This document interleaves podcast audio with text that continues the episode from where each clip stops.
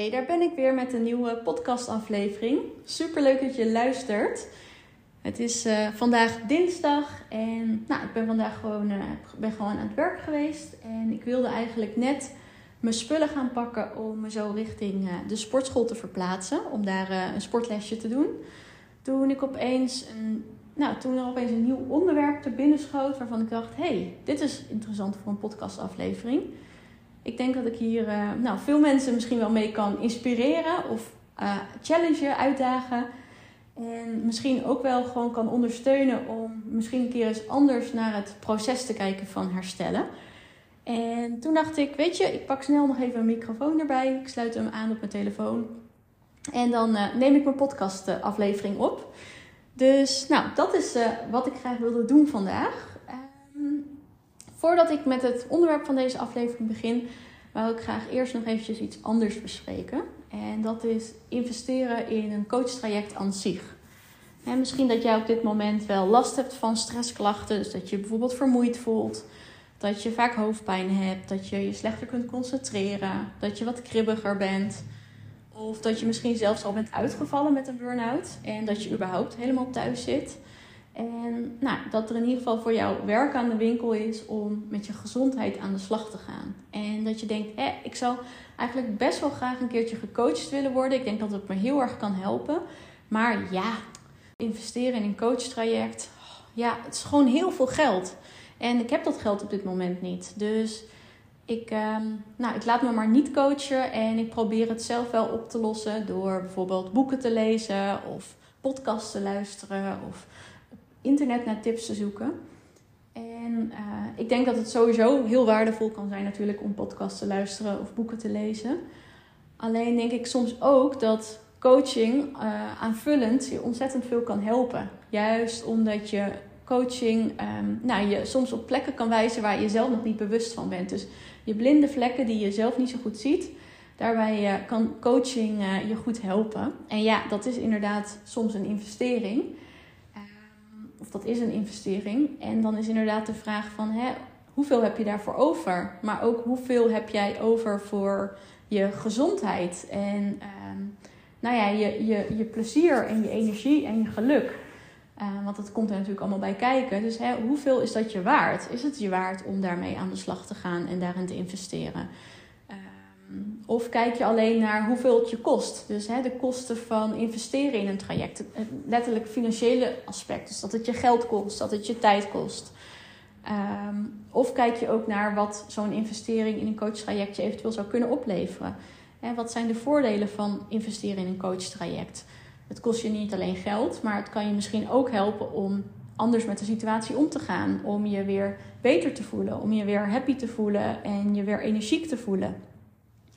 En um, is dat ook wel iets waar je naar kijkt af en toe? Of iets waarvan je denkt van, hé, hey, op zo'n manier zou ik er ook naar kunnen kijken. En ik denk sowieso aanvullend op dat, los van dat het, dat natuurlijk de grote vraag is van, hè, durf je te investeren in je eigen gezondheid? Durf je je gezondheid op één te zetten?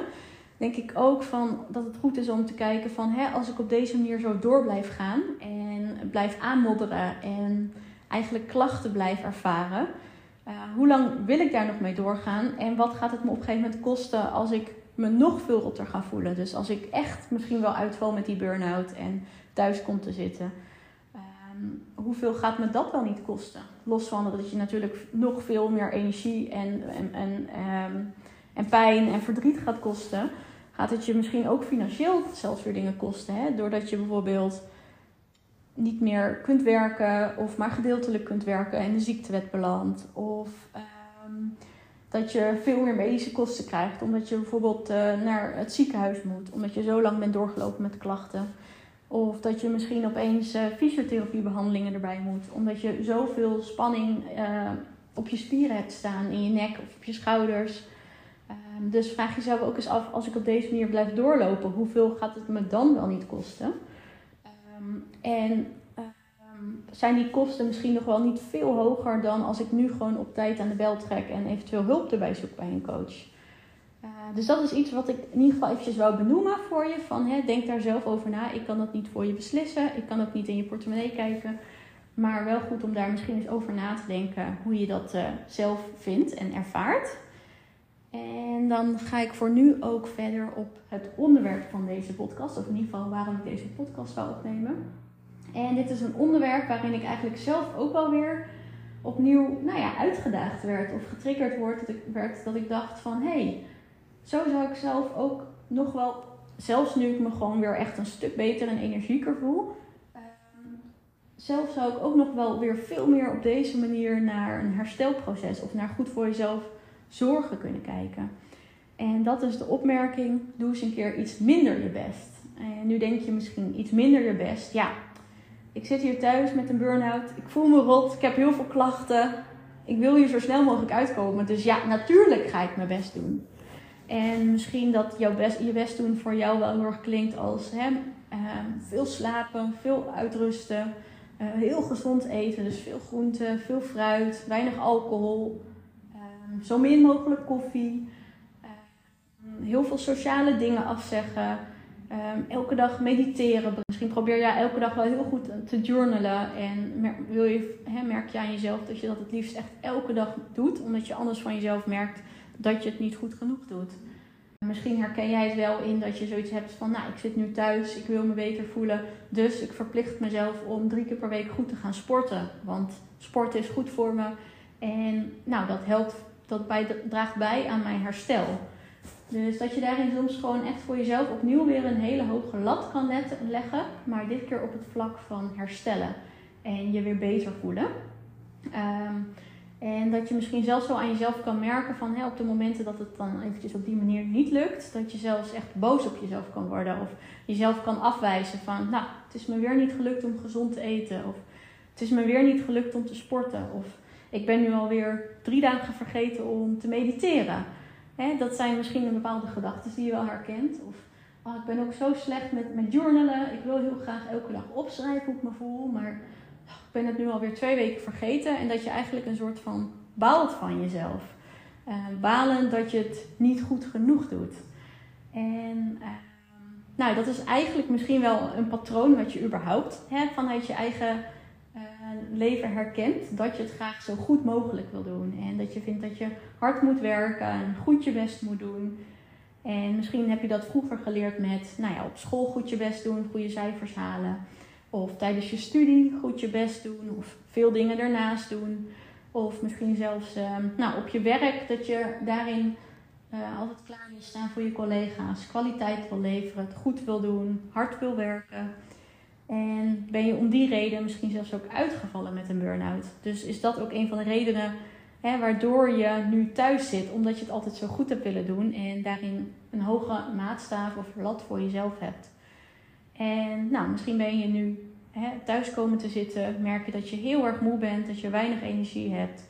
En probeer je wel weer eigenlijk op eenzelfde soort, hè, met eenzelfde soort strategie als die je altijd hebt gedaan om goed je best te doen probeer nu ook weer goed je best te doen om uit die burn-out te komen.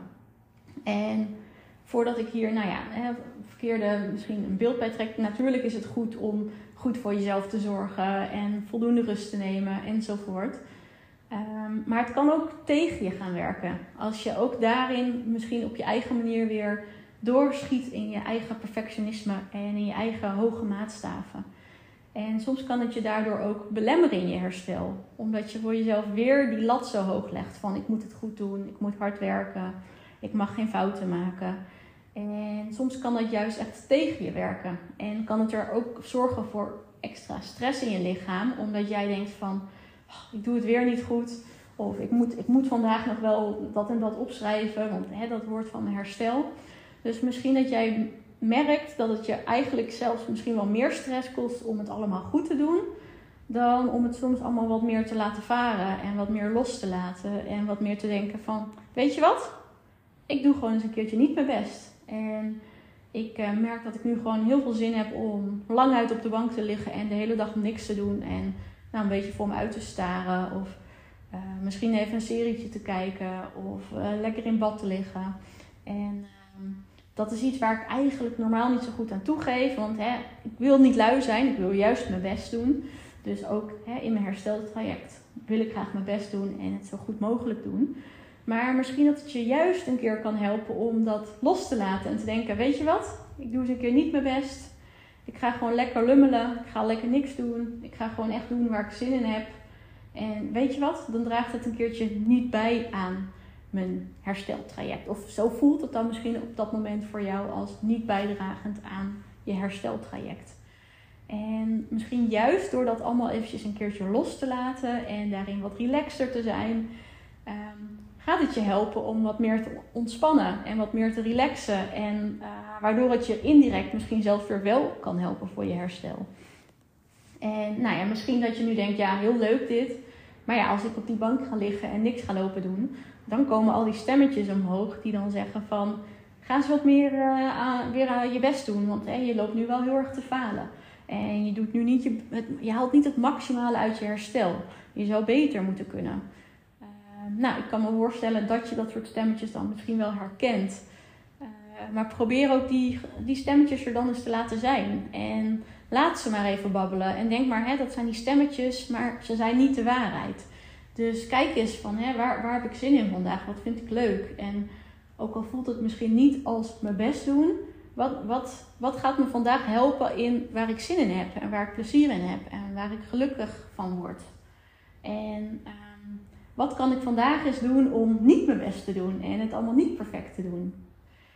Ehm, dus nou ja, misschien een goed onderwerp om eens een keertje over na te denken en voor jezelf ook te kijken van hey, hoe ervaar ik dit?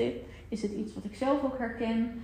Of uh, nou, kan ik eigenlijk al wel heel goed niet mijn best doen en gewoon lekker lanterfanten en niks doen. En uh, uh, nou, precies de dingen doen die misschien niet perfect volgens het boekje kloppen.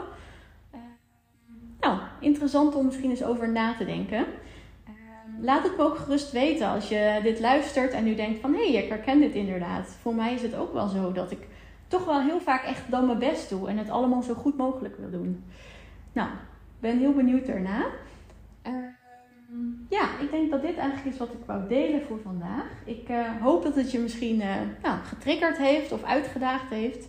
Het was voor mij in ieder geval van de week opnieuw weer een eye-opener dat ik dacht van... Ja, dat is eigenlijk ook best wel een hele goede manier om misschien soms naar je herstel te kijken. Om dat allemaal wat meer de boel de boel te laten. En gewoon wat lekker te denken, weet je, het zal allemaal wel. Dan, hè, dan eet ik een keer wat ongezonder. Ja, vergaat de wereld nu vandaag? Nee, nou, nou prima eigenlijk.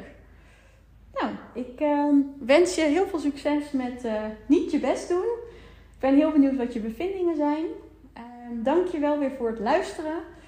En um, oh ja, mocht je dit trouwens een leuke podcastaflevering vinden en uh, überhaupt veel waarde halen uit mijn podcast, dan help je me ontzettend door een review achter te laten. Dit kun je op Spotify doen door helemaal naar boven naar mijn profiel te gaan en daar op het sterretje te klikken. En bij Apple Podcast werkt het eigenlijk op dezelfde manier, alleen dan uh, zit het sterretje onderin. Dankjewel nogmaals voor het luisteren en tot in de volgende podcastaflevering.